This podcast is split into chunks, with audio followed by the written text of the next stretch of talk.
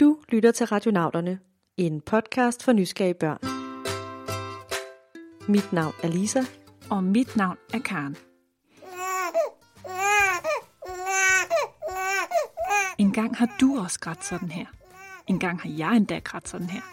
Og din mor og far har også. Ja, faktisk alle du kender. Vi har nemlig alle sammen engang været babyer.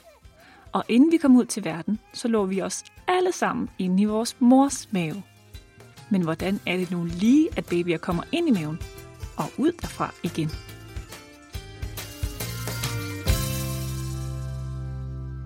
Hej, jeg hedder Johan, og jeg er syv år og jeg kommer fra Roskilde, og jeg vil gerne vide, hvor, hvordan baby er blevet skabt. Hej, jeg hedder Otto, og jeg er syv år. Og lige nu bor jeg i Grønland, og mit spørgsmål er, hvordan bliver man skabt, og hvordan bliver man født? Måske har du også tænkt over det. Lisa, jeg ved i hvert fald, at du har tænkt en del over det her på det sidste. Det har du helt ret i. Det er nemlig sådan, at jeg selv lige nu har en baby inde i maven. Og det er altså en helt vild oplevelse. Han vokser sig stor og spræller helt vildt derinde. Og så lige om lidt, så skal han ud i verden. Ja, og der kan man så godt få brug for lidt hjælp. Og heldigvis for dig og alle andre med en gravid mave, så kan man få hjælp af en helt speciel slags mor. Det kalder man en jordmor. En jordmor, det er en, der passer på damer, når de er gravide og venter deres barn. Og så også når barnet skal fødes, så er det jordmoren, der hjælper med at få barnet ud. Det her er Christine Sylvan Andersen. Hun er jordmor, og hun er rigtig klog på babyer. For hun har hjulpet mere end 1000 børn til verden. Og det er altså ikke et kedeligt job. Jamen, det er jo, det er jo fantastisk. Altså, selvom jeg har set børn blive født så mange gange, så synes jeg stadigvæk, det er helt utroligt, at børn kan blive født, og de kommer ud, og de er helt færdige små mennesker, som kan trække vejret og spise og græde og lave pølser og tisse og det hele. Og de lå lige inde i morens mave, og så efter fødslen, så kommer de ud, og så er de bare klar. En jordmor er altså rigtig vigtig, når man skal have et barn. Hun sørger både for, at barnet og moren har det godt i al den tid, babyen ligger i maven. Men jeg synes altså, at det er lidt mærkeligt, at det hedder en jordmor, og ikke bare en babymor. Måske Christine kender svaret på det?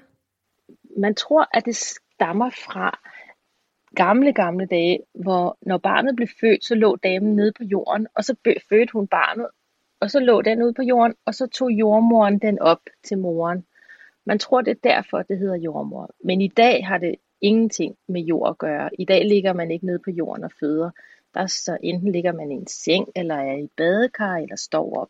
Det lyder nu lidt rarere med en seng frem for bare at ligge på jorden. Men vi er altså slet ikke nået til fødslen endnu. Først skal vi nemlig finde ud af, hvordan babyen er havnet derinde i maven. Jeg tror, at de starter indeni, jeg tror, at de bare starter med øhm, ja, at være æg, og så udvikler de sig til at blive til babyer, og så kommer det ud. Så først så var der ikke nogen, så sagde det bare lige pup, og så var der ingen anden. Når et nyt menneske skal laves, som en baby jo faktisk er, så skal man bruge to vigtige ingredienser. Så skal man bruge en sædcelle, og man skal bruge et æg. Og damer eller kvinder, de har æg inde i det, der hedder æggestokken, hvor alle æggene ligger i.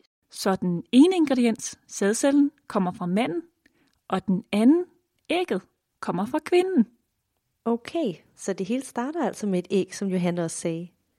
Men er det så sådan, at alle voksne damer har sådan nogle æg, altså ligesom hønseæg, liggende inde i sig? De æg, jeg snakker om her, de er helt vildt små. Altså man kan ikke se dem. Æggene er altså meget mindre end et hønseæg. De er faktisk så små, at man kun kan se dem, hvis man har et mikroskop. Og så ligner de altså heller ikke ligefrem hønseæg. De er nemlig bløde, både indeni og udenpå. Men hvad så med sædcellerne? Hvor har manden dem? Og er de lige så små? De er også mikro, mikro bitte små. Og dem er der også mange af. Helt vildt mange faktisk. En, to, tre. For hvert eneste sekund laver en mand langt over 2.000 nye sædceller. og det sker i noget, man kalder for pungen. Det er den, der hænger lige ned under tissemanden, og der er også nogen, der kalder det nosserne. Det er ligesom en pung, der indeholder sædcellerne. De ligner sådan nogle små øh, haletusser, som man kan se nede i vandet. De har sådan ligesom en lille rund, rund hoved på spidsen, og så har de en lille hale, og så svømmer de afsted. Okay, så opskriften på en baby er altså et mikroskopisk lille æg og en lille bitte sædcelle, der ligner en haletusse. Og de to kan først møde hinanden efter en lang, men hyggelig rejse, hvor den lille haletusse skal svømme hele vejen fra mandens punkt og ind i damen, helt ind til ægget. Men hvad sker der egentlig så, når de møder hinanden? Når ægget møder sædcellerne, så kommer der et æg, og så kommer der en million sædceller. Men der er kun én sædcelle, der skal bruges. Så man kan sige, det er den heldige sædcelle, der får lov til at komme igennem. Og alle de andre sædceller, de prøver også, men de kan ikke komme ind. Og de svømmer bare forbi, og de bliver aldrig til noget. Så mange sædceller på én gang. Hold det op. Det er næsten lidt synd for alle de mange, der ikke bliver til noget. Ja, men det er altså sådan, at man kun skal bruge én sædcelle og et æg for at lave en baby. Så I kan nok regne ud, at man skal være en rigtig heldig og en rigtig hurtig sædcelle, hvis man gerne vil blive til en baby.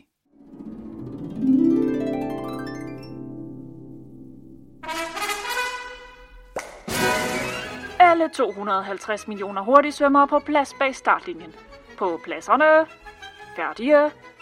Svøm! Flere millioner af svømmerne kom ikke engang over startlinjen. De snubler simpelthen.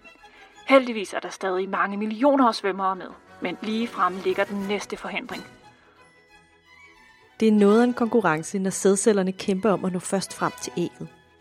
Det er et hårdt løb, hvor de skal svømme mod strømmen og forbi flere forhindringer undervejs. Den første store forhindring er, at sædcellerne skal gennem noget, der hedder livmorhalsen inde i damen. Den er meget smal og fyldt med spiker og bump på vejen. Med feltet stærkt reduceret er det blevet tid til en rigtig hård etape. Kun de allerbedste svømmere klarer den her tur. Uh, nej, der var en, der for vild der. Og den der leder til at sidde fast. Og nu, nu når de snart slutningen af etappen. For enden af livmorhalsen skal sædcellerne vælge, hvilken vej de vil svømme. Skal de til højre eller venstre? Kan vide, hvor ægget er henne. Virkelig mange får altså vild her, men et par hundrede sædsættesvømmer vælger den rigtige vej og når ind til der, hvor ægget ligger.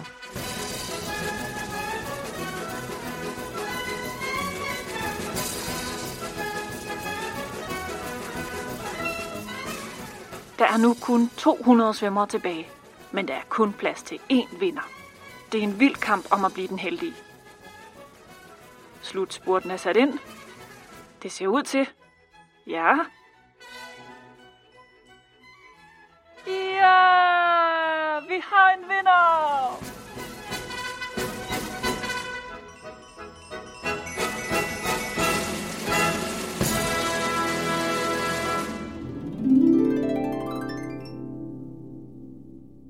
Sikke et vildt ræs, men godt man fandt en vinder. Og vinderen får simpelthen lov til, sammen med ægget, at blive til en baby. Og det må man jo sige egentlig er en ret god præmie. Nu ved vi, at sædcellen møder ægget efter noget at ræs. Men hvad sker der, når sædcellen er kommet ind i ægget? Så har de lavet det, der hedder en celle. Og i den første lille bitte celle ligger alle byggestenene til at bygge babyen. Det der er med de her æg og sædceller, det er, at de indeholder kromosomer. De har 23 kromosomer hver. Men for at blive et menneske, så skal man have 46 kromosomer. Og kromosomer, det er ligesom en byggesten. Det er lidt legoklodser, så man begynder at bygge med dem. Så når ægget, som kun har halvdelen af kromosomerne, og sædcellerne, som har den anden halvdel, mødes, så har de nok til at lave et menneske. Kromosomer er de byggesten, som rent faktisk laver babyen. Og de her kromosomer følger en helt unik opskrift. Det kalder man DNA. Og det er din helt egen opskrift, som består halvt af din far og halvt af din mor. Halvdelen er fra moren, og halvdelen er fra faren. Nogle gange, så er der, når man har to, der skal for eksempel lave ens hårfarve, så er der en af enten farens eller morens, der er stærkere end den anden. Så nogle gange så får man morens hårfarve eller farens hårfarve. Det kommer an på, hvilket kromosom, der er stærkere end det andet.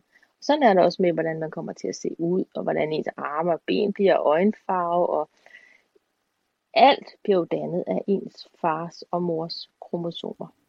Så hvordan du ser ud, om du er en pige eller en dreng eller noget tredje, om du har lyst, rødt eller mørkt hår, og hvilken farve din hud har, og hvordan din stemme lyder, alt det er i den første celle, som sædcellen og ægget lavede. Det er altså lidt sjovt at tænke på, at det er derfor, du ligner din mor og far så meget. Og hvis din søskende har samme mor og far, så er det også derfor, at I ligner hinanden rigtig meget. Men I vil aldrig være helt ens, for hvert eneste menneske har sin helt unikke opskrift, sit helt eget DNA. Men nu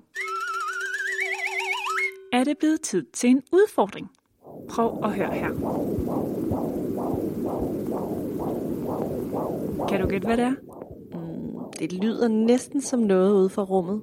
Er det fra en anden planet? Det er fra et sted, som så nogen som os ikke bare lige sådan kan besøge. I får svaret sidst i programmet. Så når sædcellen kommer ind i ægget, så har vi de her 46 byggesten, vi skulle bruge for at bygge en baby. De ligger og gemmer sig i en celle. Men den her celle ligner bare sådan en lille rund klat. Så hvordan bliver det egentlig til en baby herfra? Så begynder den at dele sig, og så deler den sig igen, og så deler det sig igen. Og på et tidspunkt, så begynder det faktisk at ligne sådan lidt et lille menneske. Så begynder den bare, og så skal den vokse, så den bliver stor. Så man har det hele med. Cellen følger nemlig den opskrift, den har med. Og det første skridt er, at cellen deler sig. Det ligner små bobler, som der kommer flere og flere af, indtil de samler sig. Så ligner det mere en lille haletusse. Nogle af de allervigtigste ting i opskriften bliver lavet inden for de første par uger. Blandt andet hjernen. Og efter bare 6 uger, mens haletussen kun er på størrelse med en ært, sker der noget meget, meget vigtigt. Babyens hjerte begynder allerede at slå efter 6 uger. Det er ikke sådan, som vores hjerte er lige nu. Det er sådan, den står bare lige og bevæger sig lidt. Men det er der, og så vil hjertet blive vokse større og større og blive stærkere og stærkere. Og fra dag af går det hurtigt. Hjertet og alle de andre ting, du har i kroppen, vokser sig større og større. Når den har været derinde i tre måneder, så er den faktisk færdigbygget. Den ligner ikke en baby rigtigt endnu, men det hele ligesom er der. Det er bare meget, meget, meget småt. Den har både begyndende fingernegle og tånegle, og den kan bevæge sig. Og på det her tidspunkt, der er den cirka 5 cm lang. 5 cm. Det er altså ikke længere end din pegefinger. Prøv at tænke på, at babyen har bitte små arme, ben og hjerne og hjerte. På det tidspunkt vil du ikke engang kunne se på din mor, hun havde en baby inde i maven. Men over de næste mange måneder, så skal babyen altså vokse fra at være på størrelse med din pegefinger, til at være på størrelse med en stor vandmelon. Og så er man altså ikke længere i tvivl om, at der er en baby derinde. Da min mor skulle føde, der var jeg nemlig med til fødslen. Og så tænkte jeg, hvordan kan den lille baby være inde i min mors mave? Hvordan er den blevet lavet derinde? Ja, når man ser en nyfødt, er det næsten ikke til at tro, at den baby har boet inde i mors mave. Men Christine siger altså, at babyen den har det rigtig godt inde i maven. Den bor nemlig i en slags vandland. Jamen, så bor den inde i det, der hedder livmoren. Det er ligesom en, en hule, den ligger inde i. Den er sådan helt blød, øh, og den kan ændre form, så når babyen bevæger sig, så kan den sådan skubbe til livmorens sider, så de også flytter sig. Og så ligger babyen jo inde i den her bløde hule inde i vand. Så den ligger og hygger sig inde i vandet, og ligesom om, når I er i svømmehal og nedenunder vandet, sådan har den det. Og det er jo dejligt at være nede i vand. Man er helt let og kan meget nemt bevæge sig. Og så er der dejligt varmt, fordi der er lige så varmt som moren er. Der er cirka 37 grader. Så den har det rigtig dejligt. Det lyder da meget lækkert at være baby. Sådan ligesom at være i det varme bassin i svømmehallen. Men jeg tror nu ikke helt, at jeg vil bryde mig om det her med at være under vand hele tiden. Det har babyen altså ikke noget imod, for den er nemlig bygget til det, fortalte Christine. Og så er den altså slet ikke bange. Nej, fordi den ligger jo simpelthen sammen med sin mor. Den har sin mor hos sig hele tiden. Og den kan høre hendes hjerte slå, og den kan høre, at hun taler, eller synger eller snorker, eller hvad hun nu laver. Så den, øh, den har det rigtig godt der. Den er aldrig alene. Mor og baby er altså rigtig gode venner lige fra starten af, og moren gør babyen tryg. Og moren hjælper altså også babyen med at trække vejret under vandet. For babyen har nemlig en slags snorkel ind til moren. Det er noget, der hedder navlesnoren. Den sidder fast i babyens navle, og herigennem får babyen luft. Navlesnoren, det er vejen. Det er der, det kommer fra moren, og så løber det over i barnet. Når vi skal have ilt, os der er født, så trækker vi vejret ned i vores lunger, så får vi ilt. Men det kan babyen jo ikke, for den ligger jo i vand. Den kan ikke trække vejret. Den skal have ilt via sin mor. Hun trækker vejret. Så I kan også se, at der er sådan en lang vej fra at moren trækker vejret hele vejen ned gennem hendes krop og ud igennem navlesnoren og ind i barnet. Navlestrengen er helt vildt smart, for udover luft, så er det også den, der giver barnet mad. Det er ikke sådan, så der kommer mad gennem navlesnoren. Det, er, det er moren, som har babyen inde i maven. Hun spiser maden. Og så kommer ned i hendes mave. Og så laver den sig om til alle mulige ting og sager, som man skal bruge i sin krop. Det er det, vi kalder næringsstoffer. Så, så moren hun ligesom ordner al maden for barnet, og så sender hun det helt færdigt ind i barnet, og så kan den bruge det, den har brug for, og sende resterne tilbage ud igennem navlesnoren. Og vi har alle sammen et tegn på vores krop på, at vi engang var forbundet til vores mor via den her smarte snor. Og måske har jeg allerede gættet det. Det er nemlig vores navler. Og hvor er det bare smart, at babyen får alt sin mad gennem sin mor. Og så kan jeg jo fortælle, at min baby altså har vokset så stor på pasta med kødsovs og en del chokolade. De, de er som regel meget tykke, og det ligner, at de har spist alt for meget slik. Men det har det ikke. De har bare fået en baby. Først er den lille bitte mikro, bliver den større og større og større og større og større. Og så når den er så når den er så stor, at den kan blive, så kommer den ud. Færdig. Er du nu sikker på, at du har en baby inde i maven, Lisa? Det kan jo også være, at du bare har spist for meget slik. det er selvfølgelig rigtigt.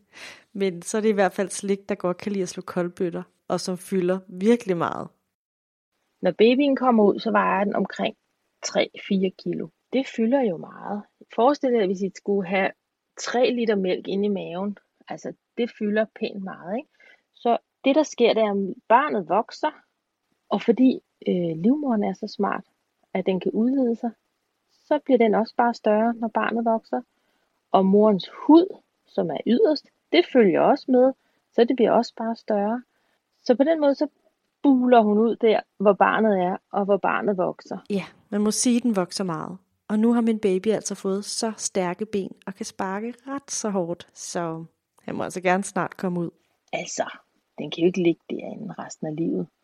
På et tidspunkt, så kan moren heller ikke have den mere. Altså, den bliver ved med at vokse. Og kan I forestille jer, hvis I lå inde i mors, jeres mors mave nu, det ville godt nok være synd for hende, ikke? Så på et eller andet tidspunkt skal den ud. Og mennesker er gravide i cirka 9 måneder. Så ikke et helt år, men, men deroppe af. Så når babyen er vokset helt klar, så kommer den altså ud. Og når babyen kommer ud, så kalder man det en fødsel på et eller andet tidspunkt, så starter fødslen. Og vi hvad det mest utrolige er, at vi ved ikke, hvorfor en fødsel starter. Det har man stadig ikke fundet ud af. Man ved ikke lige præcis, hvad det er, der siger, i dag skal hende her damen føde sit barn. Men en eller anden dag, omkring 9 måneder efter sædcellen og ægget mødte hinanden første gang, så vælger barnet altså, at nu vil det ud og møde sin familie.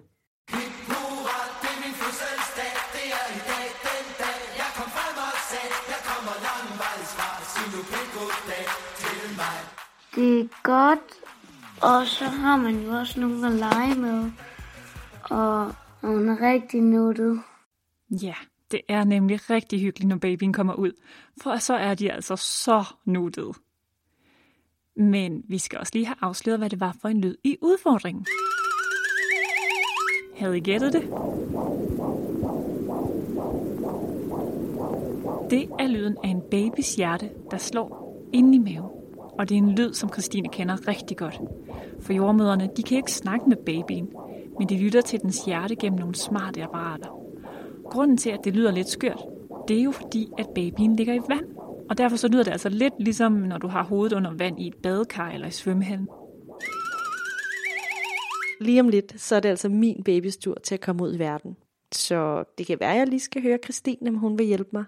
Men Lisa, hvem skal egentlig så hjælpe radionauterne? Du skal jo passe din baby. Så har du ikke tid til at tage på missioner sammen med mig. Nej, men jeg kommer heldigvis tilbage igen. Og bare rolig, jeg har nemlig fundet en vikar. Og hun er helt vildt sød og virkelig sjov. Hun hedder Sisse, og hende kommer I til at møde i næste afsnit. Men jeg kommer til at savne jer rigtig meget. Og vi kommer i hvert fald også til at savne dig. Tusind tak til Johanne Otto for det spændende spørgsmål, og tak til Christine Sylvan Andersen fra Rigshospitalet for at hjælpe os med at besvare det. Husk, at I altid kan finde os på Facebook og på vores hjemmeside, og der har vi altså fået en ny, rigtig, rigtig flot hjemmeside, hvor det er blevet meget nemmere at finde rundt og finde både nye og gamle afsnit. Men ellers så skal vi bare sige tak, fordi I lyttede med, og have en rigtig dejlig sommer. Vi lyttes ved.